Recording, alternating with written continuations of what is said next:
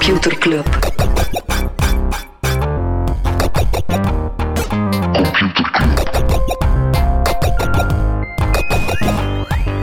Computer Club. Hey Smolly, Hey Freddy. welkom, welkom terug. Welkom, welkom bij Computer Club, een wekelijkse podcast over technologie. Iedere aflevering selecteren Freddy en ik een eh, interessant artikel en presenteren we een feitje. Ik vind dat hij eigenlijk tegen mij moet zijn, welkom terug. Ja man, hij is drie weken weg geweest. Maar er is niks gebeurd. Ik heb pauze kunnen nemen van de tech actua. Het is gewoon je smartphone aan de kant kunnen leggen. Nee, het was echt niks. Waardoor dat het kriebelde. Zo'n om toch korte een recap geven. Ja, doe een keer een, eh, een turbo, turbo eh, recap. Oké, eh, Twitter, zoals we het kennen, is weg. FTX is weg. Elizabeth Holmes is weg. Protocol is weg. Bob Chapek van Disney is weg. Ja, eigenlijk is er heel veel veranderd sinds dat je eh, in die drie weken Ja, dat je weg bent be- gegaan, Freddy. en bij Disney is het wel een operatie. hè. Ja, Bob, Dus Bob is, weg Bob. en Bob is back. Ja, de leuke Bob is terug en dus het stoute Bob is weg. Wauw, is geen stoute Bob. Jawel. Voor mensen die niet mee zijn, Bob Chapek, de opvolger van Bob Iger. Heeft Eh. niets met creatieve dingen. Nee, dat was de man die de parks eh, moest leiden. Die moest dan overnemen van Bob Iger, wat wel een heel visionair man is, die heel het content-imperium uitgebouwd heeft. Marvel deals, Star Wars deals, Disney Plus Pixar. uit de grond, Pixar. Pixar, Pixar kunnen eh, overkopen. ja, die Bob, die moest wel het licht aanhouden en daar was hij niet super goed in. En dan de laatste resultaten waren wel slecht. Onder andere zegt animatiefilms niet voor volwassenen zijn. En dat moet je zeker niet zeggen als je aan het hoofd staat van fucking Disney. Ja. Oké, maar we gaan terugwerken in je intro. Elizabeth Holmes, die zit weg in de bak. Elizabeth Holmes van Theranos. Die zit weg. Allee, het was al duidelijk, het was al veroordeeld, maar nu is er ja, de celstraf uitgesproken. Elf jaar is wel, eh, Heavy. wel heavy. Wat ik nog altijd wel, voor de activistische kant in mij, wat ik nog altijd wel moeilijk vind, is dat ze veroordeeld is enkel voor zo het eh, fraude tegenover investeerders en niet fraude tegenover potentiële patiënten en zo. Snap je? Mhm. Het is zo niet dat we haar gepakt hebben op het feit dat ze mensen in het zak gezet heeft. Nee, ze heeft gewoon rijke blanke investeerders in het zak gezet. Ja. En daarvoor moest ze in de bak. Zou SBF ook elf jaar krijgen? SBF, Sam Bankman-Fried. Man, dat was echt zo... Wat een, wat een rollercoaster was het. En dan gaan we tot de grootste rollercoaster, eh, of zeg maar trainwreck komen. Maar zo, het, ik herinner mij nog, dus de nieuwsbrief had ik wel geschreven. Plotseling was daar het FTX-nieuws dat Binance ging overkopen. En dat was al verrassend, want Binance en FTF, FTX waren echt wel zo rivalen. CEO's hadden met elkaar aan de stok. Eh, ooit waren ze wel partners en dan niet meer. En dat was al zo, "Huh, die gaan dat plotseling overkopen. Hij had er een hele nieuws over Ik had die gepend. helemaal, helemaal geschreven. En twaalf uur later was hij, ja, Smolly, ik denk dat we een vijf kleine appendix... was het hier. Ja, ik, ik zat ergens in een andere tijdsvak, was ze, ja, kleine appendix, eh, het gaat toch niet door. En dan ja, was het een kaartenhuisje. Dat, Ja, eh, Ik ben uit mijn bed gesprongen, ik heb de nieuwsbrief nog aangepast. ik ben zeer blij. Eén, ik schaam me een beetje dat ik crypto heb. Ja, het was een opportunistische move. Maar bon, Ja, zo ben ik natuurlijk. Maar ik ben wel zeer blij dat ik die sinds een jaar op cold storage staan heb.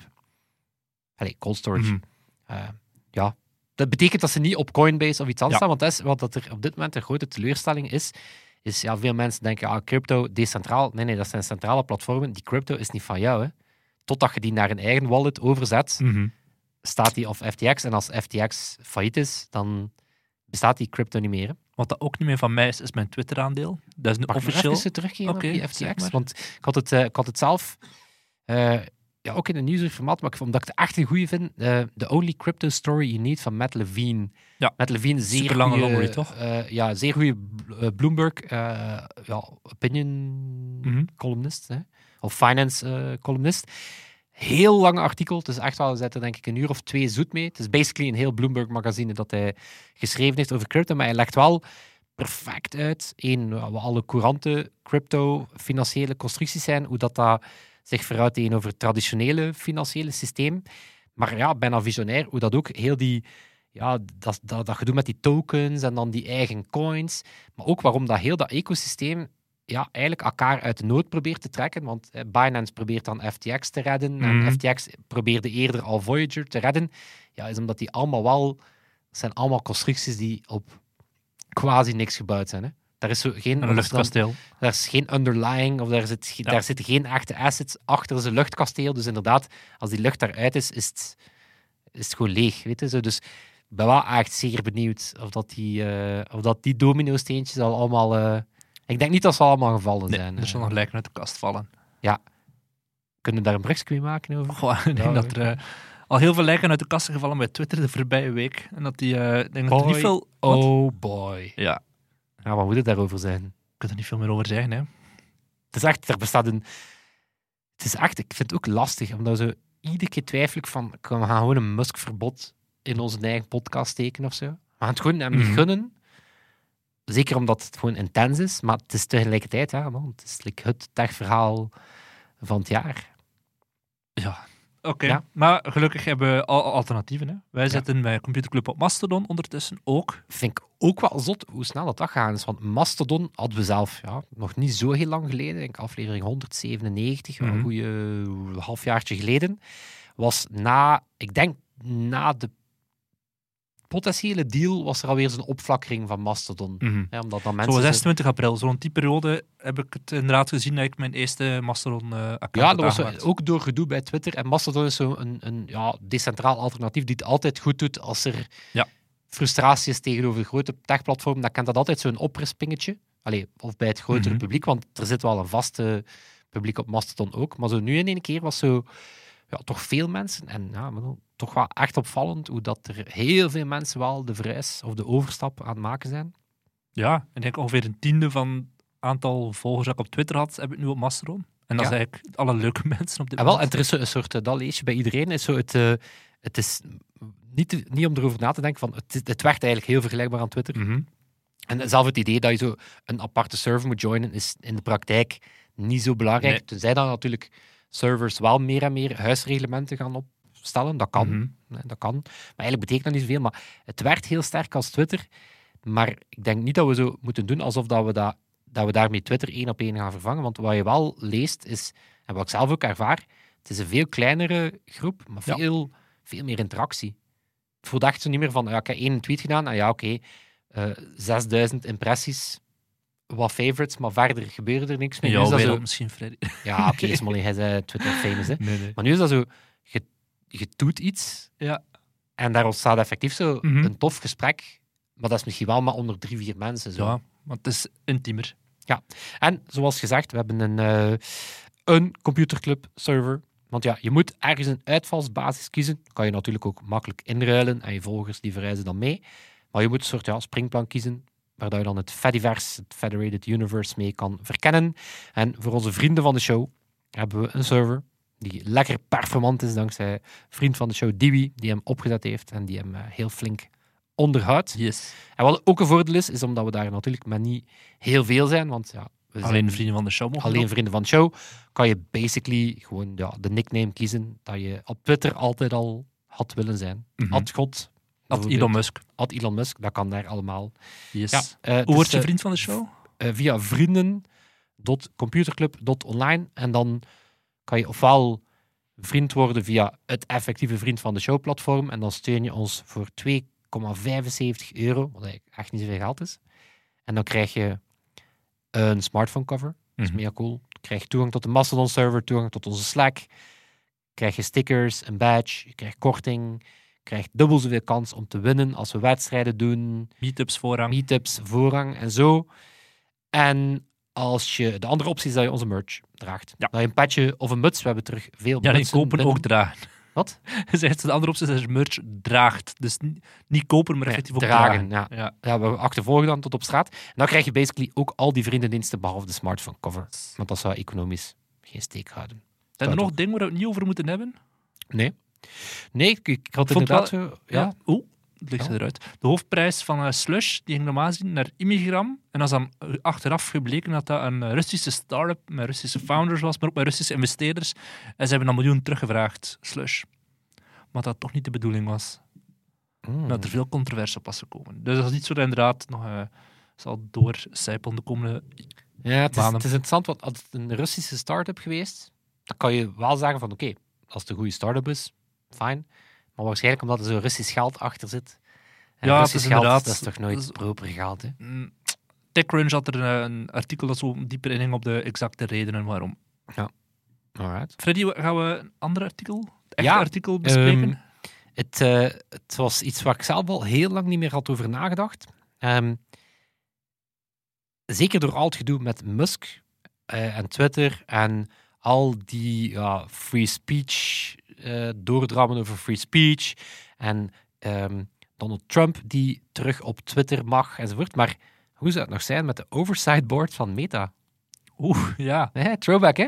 Dat is toch de, de, de rechtbank, zo gezegd. Ja, zo'n beetje de, de. Supreme Court, Ja. eigenlijk een onafhankelijke groep van experten. Ehm, en die moeten dan oordelen over ja, wanneer gaat Meta eh, wel of niet in de fout, wanneer dat ze bijvoorbeeld een post gaan censureren. Dus ja, denk een tweetal jaar geleden eh, in het leven geroepen.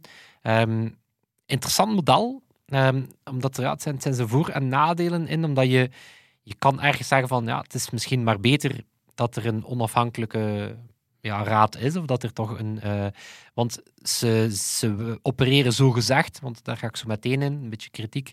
ehm ze opereren vrij onafhankelijk van Meta, maar Meta is daar toch nog altijd wel vrij bepalend in. Ehm, maar ergens van, oké, misschien is het beter dat Facebook ook niet zelf scheidsrechter te veel Mhm. is, of dat je toch minstens verhaal kan gaan halen. Tegelijkertijd is natuurlijk ook wel Mark Zuckerberg, die op een heel handige manier volledig de hete aardappel Verantwoordelijkheid van zich afschuift. ja, die per- perfect kan zeggen van, ah ja, maar we hebben die, we hebben die oversight board. Ehm, maar om wat, eh, om wat cijfers te knallen. ehm, het is eigenlijk een groep van 23 onafhankelijke experten, onder andere de ex-premier van Denemarken, Pulitzer-winnaar. Zijn er fulltime mee bezig? Nee. Eh, nee, die, krijgen, Ah, eh, die, die, moeten, die worden geacht ongeveer 15 uur per week uh, Dat is daarmee toch bezig. veel, toch wel veel, want ja. wordt ook ex-hoofdredacteur van The Guardian, een laureaat, Nobelprijs voor de Vrede. Eh 15 uur per week krijgen daar ook wel een loon Royale van drie cijfer, twee keer drie cijfers voor. Twee keer drie cijfers. Dus hij cryptisch 100.000 bezig. 100.000 Ah, of meer. Ik weet niet Ja. hoeveel eh, dat is. Maar tegelijkertijd is het wel belangrijk. Ehm, ze zijn met 23, maar ze mogen tot 40 zijn in principe. Want ze hebben een budget van 105 miljoen tot 2025. Dus dat is Meta die daar wel gewoon geld op de rekening zet. En zegt, oké, nu kunnen jullie opereren. Eh 2 miljoen klachten ontvangen. Maar... We hopen dat er toch een of andere uitspraken. filter nog voor zit, voordat dat zij die met 23, 22, 2 miljoen klachten moeten eh, bekijken. Eh, wel, ze kiezen, dus dat is het ding, ze kiezen dan de zaken die ze willen Mhm. behandelen. Een beetje zoals de Supreme Court Ja, gaat zeggen ja. van oké, die gaan we wel of niet gaan doen. Eh, ze hebben 28 uitspraken eh, daarover gedaan en 119 aanbevelingen gedaan. Onder andere over wat er met Trump moest gebeuren, bijvoorbeeld. Ook over blackface. Mhm. Wat gaan we daarmee doen? Ehm, mo- borsten op Instagram in het kader van eh, borstkanker. Ehm, Mhm. Maar daar ga ik zo meteen wat op terugkeren, die zaken, want ja, het is toch niet altijd makkelijk. Ehm, want ja, ergens lijkt het wel een succes, want ze krijgen wel het respect van mensenrechtenorganisaties, en die Oversight Board. Ehm, Nick Clegg, de, ja, de nummer twee van Facebook, eh, politiek figuur, eh, die is daar laaiend over, delighted, thrilled by them. Maar ja, toch ook wel eh, veel kritiek, niet in het minst van die board zelf. Nu, er is ook kritiek van extern die zegt van ja, weet je, dat is gewoon pure PR. Ehm, maar ook de leden zelf zijn, zijn wel vrij kritisch, omdat ze ook wel zeggen van we voelen aan alles dat integriteit hier niet, of bij Facebook niet belangrijk is. Het gaat nog altijd over reach en over image. Ehm, en ze krijgen ook wel echt limieten mee. Bijvoorbeeld, ze mogen uitspraken doen over posts, maar niet over advertenties. Ehm, of ze mogen eigenlijk niks zeggen over het algoritme of wat er in groepen gebeurt. Maar ja, veel Mhm. van het kwaad van Facebook zit in wat gebeurt er in die groepen, wat bepaalt het algoritme en ja, waarom zouden advertenties vrijgesteld zijn van, eh, van bepaalde richtlijnen. Ehm, maar wat ze, en, en dan ook, ook wat moeilijk is, is ze mogen aanbevelingen doen, maar die moeten niet gevolgd worden. Hè, bijvoorbeeld van die, van die hoop aanbevelingen die ze gedaan hebben, ehm, maar 19 ervan, en dat zijn denk ik, ik denk dat er een, een 120 aanbevelingen zijn, maar 19 ervan zijn effectief gevolgd Mm. door, eh, door Meta. Ehm, ze hebben ook heel wat limieten. Hè, Ze hebben bijvoorbeeld geen toegang tot CrowdTangle, wat zo'n tool was of is, ehm, waarmee dat ze bij Facebook de impact van een post kunnen zien. Dus dat is voor hen een blind, eh, is een, blind spot, wat dan moeilijk is, want ja, uw oordeel over een post gaat ook veel te maken hebben met ja, Leeft dat ding leeft echt? dat ding Ja, ja. enzovoort. Ehm, of bijvoorbeeld, het was een, een, een heisa, dat ga je misschien herinneren, uit de Facebook leaks van eh, Francis Haugen. Eh, dat heette Crosscheck en dat was een programma, ironisch genoeg, ook al noemde het crosscheck, waarmee dat speciale mensen, eh, speciale gebruikers, eh, voorkeursbehandeling kregen. Dus eigenlijk basically, als je een Ja, bekende Braziliaanse eh. voetballer bent, Mhm. dan eh, mag er al iets meer. Of als je een, eh, een autocraat bent, Ja. in Amerika mag er al iets meer. Ehm, ja, dus een voorkeursbehandeling. En ehm, Meta zei heel lang, ja, we kunnen dat, we kunnen dat heel moeilijk nagaan. Ja, dat bleek dan over miljoenen, miljoenen gebruikers te, te gaan, die die voorkeursbehandeling kregen. Dus ja, de, de oversight board mocht niks zeggen over ja, dat, die, die toch niet kleine groep geprivilegeerde gebruikers. Dus ook daar heel wat frustratie. Ehm, er kwam ooit de zaak, die ga je waarschijnlijk ook gezien hebben, waarbij dat er eh, Oekraïners begonnen te posten van ja, dood aan de Russische bezetter. Ja, gezien hebt, zo van ja, mensen die basically ja, de, in, net in oorlog waren en zeiden van fuck Mhm, off, Russians, eh, hope you die. Ehm, ja, die zaak werd aan voorgedragen aan de Oversight Board, maar werd dan weer weggehaald. Dus daar mochten ze dan toch geen uitspraak over doen. Ehm, en Meta die zich ja, toch wel blijft moeien. Hè. Bijvoorbeeld, ze zijn maar met 23 van de 40. Dus ze moeten eigenlijk met meer leden zijn. Ehm, maar Meta heeft wel vetorecht op wie dat erin mag zitten. Hè. Dus ze zijn zogezegd onafhankelijk. Ja. En bijvoorbeeld, er was dan iemand van de Stanford Internet Observatory. Is misschien een naam dat je wel kent. Ze doen heel vaak kritisch onderzoek naar onder andere grote techbedrijven. was iemand met heel veel technische kennis, wat een lacune was in, in die oversight boards. zijn allemaal eh, mensenrechten-experts, eh, legale experten, politieke Mhm. experten. Heel weinig mensen die zo snappen van hoe werkt een algoritme. Ja, die persoon is geweigerd door, eh, door Meta. Dus daar voel je wel... ehm, Hoe kun je een zaak aandragen? Kunnen wij als, als gewone stervelingen zeggen, deze zaak moet voorgebracht worden? Ja, ja. Ehm, en daar zit, er ook wel, ehm, daar zit er ook wel een probleem. Dus ze doen een, ehm, ze doen een uitspraak. En dan gaat die board eigenlijk bijna altijd zeggen van ja, oké, we gaan de, we gaan de post beoordelen. En we gaan een oordeel vellen van moet die terug of niet. Hè. Bijvoorbeeld die post over borstkanker, die moest teruggeplaatst worden. Maar wat ze ook altijd zeggen is, ja, maar dit is breder. Dit is eigenlijk de policy dat je zou moeten aanpassen. De policy aanpassen, of twee, zorg dat er eens een policy over komt, Mhm. of zorg dat die gekend is. Want er zijn bijvoorbeeld ook gênante gevallen waarbij dat, ehm, een leider van de PKK, van de Koerdische, Mhm. eh, dat was dan een dangerous entity, eh, wordt, wordt eh, beschouwd, die zit opgesloten in isolatie, wat tegen de mensenrechten is. Een post daarover die de aanklaagde werd verwijderd, want het was zogezegd verheerlijking van een dangerous entity.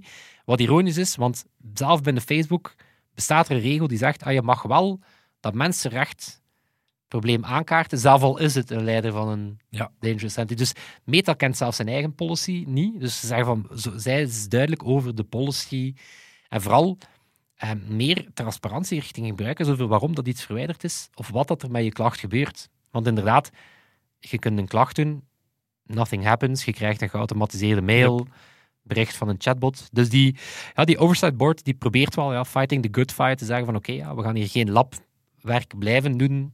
Kom met regels, zorg dat ze transparant zijn. Ja, zorg dat mensen ook een feedbacklijn kunnen hebben. Ehm, maar Bolt is wel interessant, omdat dus, het is een, het is een, mixed bag. Ja. Ze, ze doen wel goede dingen en ze zijn wel nog altijd gedreven. Ehm, ze willen bijvoorbeeld heel actief meewerken aan de Digital Services Act, om dan terug te koppelen naar de aflevering die jij met Pieter deed, over Mhm. Pieter van Politico, over onder andere die Europese regels, ja, die rond moderatie en zo gaan. Dus die zeggen van, ja, we're here. Of ehm, toen dat eh, de nieuwe CEO van Twitter eh twitterde, Hij die niet genoemd mag worden. hij die niet genoemd mag worden, van ja, ja, we zijn ook een advisory committee bezig. Dan hebben zij heel specifiek gezegd, wij bestaan en wij zijn onafhankelijk, dus wij kunnen ook die klachten doen. Maar tot op heden zijn er geen andere techbedrijven die... Oké, dus zijn er... ah, Oké, daar had ik zelfs nog niet bij nagedacht. Van, dit zou evengoed... Twitter zou bij hun kunnen aankloppen. Absoluut, dat is- dat is Ja. wel het ding, dat ze zijn, ehm, ze zijn onafhankelijk, los van dat ze binnen Meta niet per se de impact kunnen hebben Ja. dat ze hebben. Dat is ook omdat ja, Meta is dan Ja, het ook bedrijf. nee, als je zegt van de aanstelling... Je meet dat is inderdaad een beetje een fout van, van Mhm. ja, maar dat is misschien zo van de hand die je voedt, weet dat zo. Ja. Ehm, maar het zou ooit wel helpen, moest, moest er andere techbedrijven Ook ook, die organisatie Ja. sponsoren, dan is het al minder en dan kunnen ze misschien nog onafhankelijker zijn. Maar ik vond het een zeer goed artikel van, eh, van, ehm, van Wired, was het, omdat het, ja, Facebook was tot voor kort de boeman is het, ja, denk ik, nog, nog altijd. Maar toen waren we heel veel bezig over ja, meta, wat we Mhm. mogen ze wel en wat niet, en die oversight board. Maar dan is dat even zo van de radar verdwenen. Dus ik vond het een, eh, een interessante eh, update om eens te hebben. Alright, ik ga ook iets interessants vertellen. Dat is wel geen Update met wat kennis. Computerklas. Wij hebben de dikke van Dalen en in het Engelstalig taalgebied, daar hebben ze de Merriam-Webster, waar je waarschijnlijk ooit al al beland bent op die website, of op dat woordenboek, op die website van een woordenboek, als je een bepaald woord zoekt. En een van de leukste features op de website van Merriam-Webster, die heet Time Traveler. En dat is eh, een tooltje waarbij je kan nagaan welk, ja, in, een, in een bepaald jaar, welk woord is er toen voor het eerst in het woordenboek verschenen. En dat vertelt heel veel, ik heb dat opgezocht dan voor onze twee geboortejaren, dat vertelt heel veel over de tijdsgeest, maar ook over technologische innovaties die op dat moment zijn eh, doorgebroken. Eerst begonnen met jouw geboortejaar, 1986. Dus daarom dat ik jou deze week gevraagd had wanneer je geboren werd. Dat zijn woorden als crackhead, FYI, bungee jump, SUV, H- eh, HIV, perestroika en dan een paar techtermen, soundbite, fax, modem en internet. Zijn Oké, opgekomen- maar hoeveel geld krijg ik Wat? als ik al die termen in één anekdote kan steken? Crackhead, crackhead, Crackhead, fax machine, soundbites, FYI, bungee jump. perestroika, dat, nee, niet- dat, dat was voor ons leven in 86. dat was, ik denk dat dat losstaande termen waren. Ooit mijn, eh, mijn lifestyle. Mijn SUV gaan bungee jumpen. En toen heb je HIV opgelopen. Ik weet niet wat die perestroika er nog bij kan Moet komen. je niet veel vertalen dat als crackhead, HIV, oh, dat is- Dat een vaak gebruikte combinatie. voilà, zeker als je met wilde Russen zit in een Ja. periode van perestroika. Hey, ik bedoel, moet, Absoluut. Moet, moet er een prentje bij maken, of zo, maar waren wilde tijden. Wel, 86. maar in 1992, dat is dan mijn geboortejaar, er staan een paar termen die niet met technologie te maken hebben, maar heel veel die wel met technologie te maken hebben. Eigenlijk de ene of twee die niet met technologie Zijn te nu, maken zijn nu hebben. zo wat uw, uw street cred aan het... Aan het Het zit wel vette woorden bij, maar de- ja, ik ben crackhead en bungee jump. Ja, wacht tot je de mijne hoort. Nee, dus de twee termen in mijn jaar die niet met technologie te maken hebben, zijn Taliban en polyamorie. Dat Ook niet oninteressant. Ja. Zeker ook niet in één, in één anekdote. Ook wel cool. Inderdaad, maar Zeker polyamorie dat is ook zo raar. Dat dat pas in 1992 als eerste is Maar pas in 92 mocht er over gesproken, Ah, worden. Ja. Daarvoor noemde dat anders. Daarvoor noemde dat We gewoon net uit, de- net uit de crackhead-plaag Ja. van 86, die eigenlijk, eigenlijk voorbij was. Zeker na die HIV-periode ook. eh. Maar dan alle techtermen. Dat is ook gewoon raar. Er zijn techtermen bij waarvan je denkt, maar die zijn zo oud al. 3D-printing, augmented reality, biohacking, doorbell camera. Dat vond ik heel zot. Doorbell camera, 1992. E-zin, dat vertelt ook zo veel over. Ja. Hacktivism, Vaak gemiste kans om onze nieuwsbrief een e-zin te noemen. we kunnen altijd veranderen. hè. Hacktivism, eh, HTML, PDF, Metaverse, 1992. Is- dat in het woordenboek verschenen? URL, Voice over Internet Protocol en Photoshop. Dus gewoon het feit dat Metaverse en URL in hetzelfde jaar in het woordenboek zijn verschenen, dat vond ik wel frappant. het is gewoon super duidelijk dat er ooit een time traveler geweest is. Ja. Dat moest ze zijn. Dat moest ze zijn. En die is in 92 die is zijn timer verkeerd gezet. Die was eigenlijk veel verder terug. Per ongeluk in 92. Nee, dat, was, dat is wel zot. Ja. Dus Fuck, iedereen maar wat spelen, zit ik dan met crackhead en bungee jump en alles? Rustig. Taliban zo en polyamorie is bij mij, maar voor de rest heel, veel- heel, ja, dat was echt wel een techjaar eh, in het woordenboek toen. Damn. Dus de Time Traveler van Merriam-Webster. Dat is echt heel tof om eh, terug in de tijd te duiken en te zien wat leefde er eigenlijk. Want vaak zegt dat iets over Ja, wat dat te leren 92, ik, volgens mij 92 was de piek, jong. Ik Ja. denk niet dat het beter kon dan Qua 92. tech denk ik niet, nee. Nee, alles is daaruit gevonden. Voilà. Nee, jong, alles is uitgevonden in 86. En je dat gewoon zes jaar nodig Door die had. crackhead. Ja, maar als je crack doet met rusten, hè, dan eh hebben we weer zotte dingen. Hè. HIV, onder Ja. andere. Freddy, ik heb ook een artikel gelezen. Ehm eigenlijk niet zo'n optimistisch artikel, maar het is ook gewoon een optimistische tijd in de techwereld. Er is een website die heet layoffs.fyi. Oké, daar komen we terug, FYI. Ehm, en die, die trackt 836 grote techbedrijven om te kijken hoeveel mensen zijn hier ontslagen. En dan kun je zo per jaar zien. En dit jaar is het echt hallucinant. 136.539 mensen zijn ontslagen. Thema, behalve dan eh Muskje. Ja. Wellicht een van de dingen dat nu het eh, mediadieet domineert, of iets waar je tegenwoordig zelf niet meer in het nieuws brengt, is zo elke week een aantal grote techbedrijven die... Maar nu is het eh, echt hallucinant. Hè? Meta, 11.000 mensen. Amazon, 10.000 mensen. Uber, 6.700 mensen. Booking, 4.300 mensen. Cisco, 4.100. Twitter, in die eerste ronde, 3.700. Er zijn zijn er er nog, alweer een pak meer, hè? ja, ja, er zijn dus inderdaad nog rondes daarna. Maar De hardcore cultuur die toch niet eh, zo aanslaat. ey, ze mogen... Weet je eh, dat, weet je dat, ze internet wel, thuis wordt niet meer betaald. weet je dat ze wel wat triestig is? Bij zo de foto's van Musk die dan zo met veel trots zo, yeah, zijn weer code reviews aan het doen. Alsof dat het probleem van Twitter enkel een engineering Maar het gaat problem is. waarschijnlijk zoiets nog terugkomen. Maar het feit van de mensen met een visa? Dus dat ga je inderdaad nog terug zijn. Maar ehm, ja, waarom, Teaser. waarom is dat gebeurd? Het is een accident die een beetje waiting to happen was. Enerzijds, er zijn heel hoge interesten. Ehm uh, merkt je zelf ook in België. De inflatie die zal in januari stijgen. Ik ga straks nog iets over zeggen. Marktpotentieel verkleind. Techbedrijven zijn echt al, ja, ze hebben al heel de wereld veroverd, heel vaak. In Facebook bijvoorbeeld. Wat kunnen ze nu nog doen? Dat is ja, incrementeel gaan, gaan die winst gaan opkrikken. De investeringen vallen ook terug. Investeerders die hebben andere interessante dingen. Of ze zien van, ja, oké, we waren misschien wel overdreven de voorbije jaren in onze, in onze waarderingen. De, de bomen, de, de luchtkastelen lopen leeg. En vooral ook nu, wat dat dus nu gebeurt, eh, misplaatst optimisme tijdens de coronacrisis. Mensen dachten, alright, we zijn nu vertrokken op een trein. Eh, streamingdiensten, dat gaat nog gigantisch hard stijgen. Ja, E-commerce ook. Ik heb wel het gevoel dat dat zo de... Wat dat wel opvallend is, is zo de... hm, Ook wel, vraag me af hoe geloofwaardig dat is, is zo alle CEO's die nu zo van... It was my mistake. Weet dat zo? Zuckerberg, Jack Dorsey, de Stripe-broertjes ook, Mhm. de Collison-broers Mhm. ook. Van ja, het was onze fout. We hebben te snel, en ik denk dat dat wel waar is. Ja, dat is heel de sector, hè. Dat is heel die sector, maar daarmee dat ik vind dat zo een.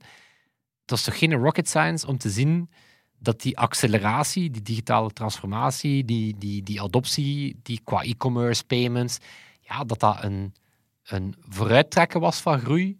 Hey, dat is toch. Hey, de- snap je? Ik vind dat zot dat al die bedrijven dachten van we trekken die lijn dan maar door of zo.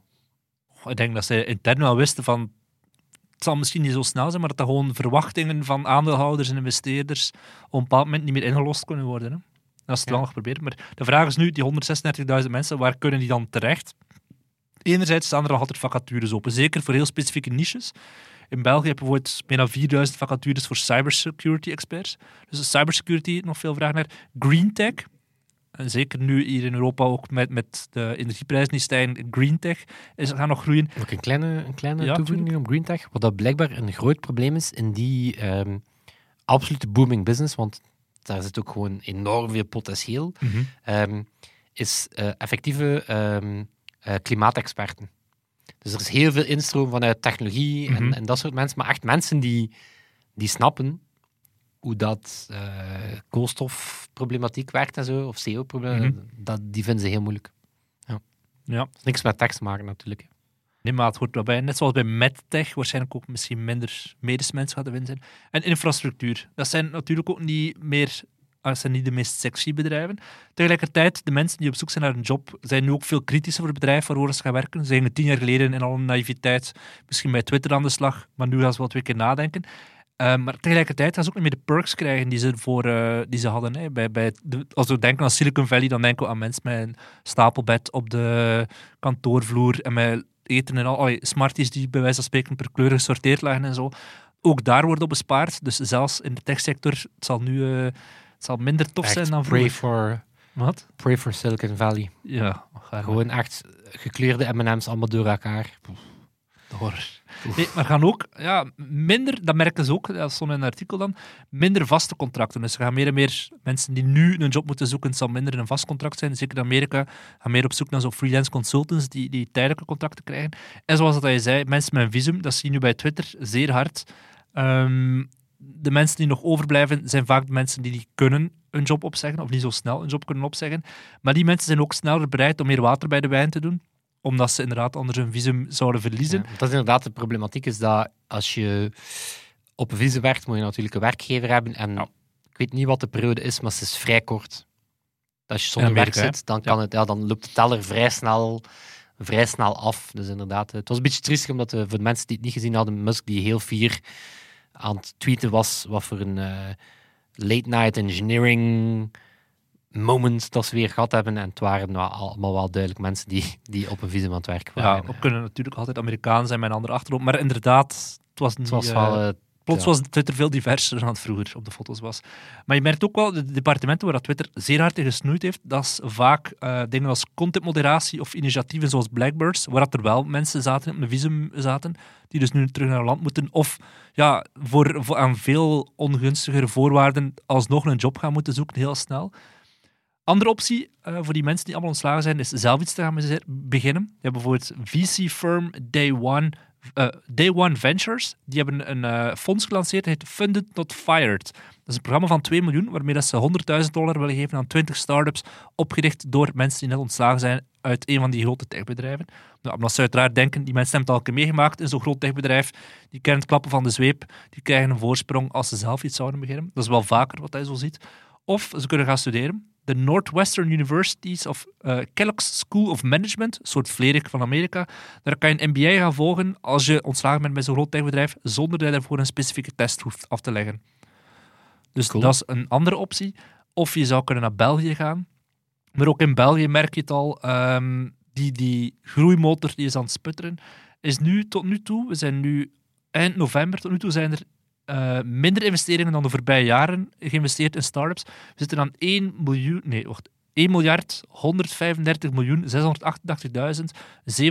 euro is er geïnvesteerd in Belgische techbedrijven zonder biotech meegeteld. Wat dan minder is dan vorig jaar. En tot nu toe hadden we elk jaar het record verbroken, maar dit jaar zal het er niet meer in zitten. Dat is Agora die die cijfers bijhoudt. Dat is ook gewoon wereldwijde trend, hè. Ja, maar dat toont ook wel aan dat ook in België, we hebben het hier nog niet gehad, er zijn nog niet veel ontslagrondes geweest bij de grote techbedrijven, maar dan kun je wel gaan nagaan, dan kijken we dat er, als het in Amerika regent, gaat hier in België ook beginnen druppelen. Ja. We hebben de inflatie die eraan komt in januari, eh, dus het zal ook wel ey, ook weer een perfect storm of een accident waiting to happen, eh, misschien ook hier.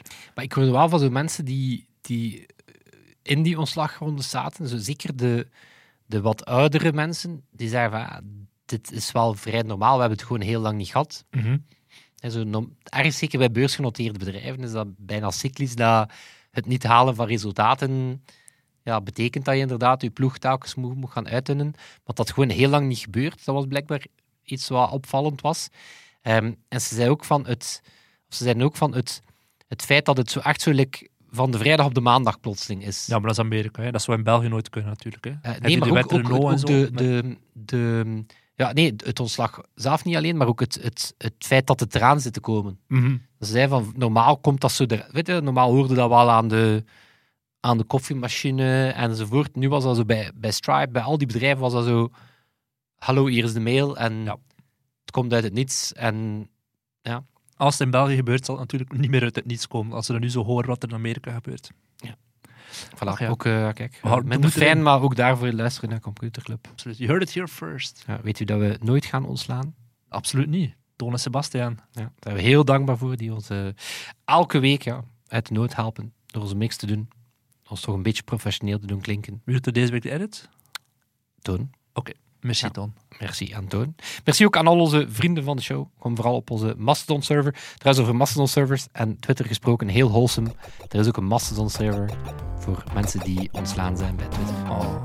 De ex, maar dat is- toont wel dat de Mastodon abonnement is. Maar ja, bon, kijk, eh, ook zij zouden welkom zijn op Computerclub. Absoluut. En dat zal het zijn. Tot volgende Tot week. volgende week. Yo. Computer Club.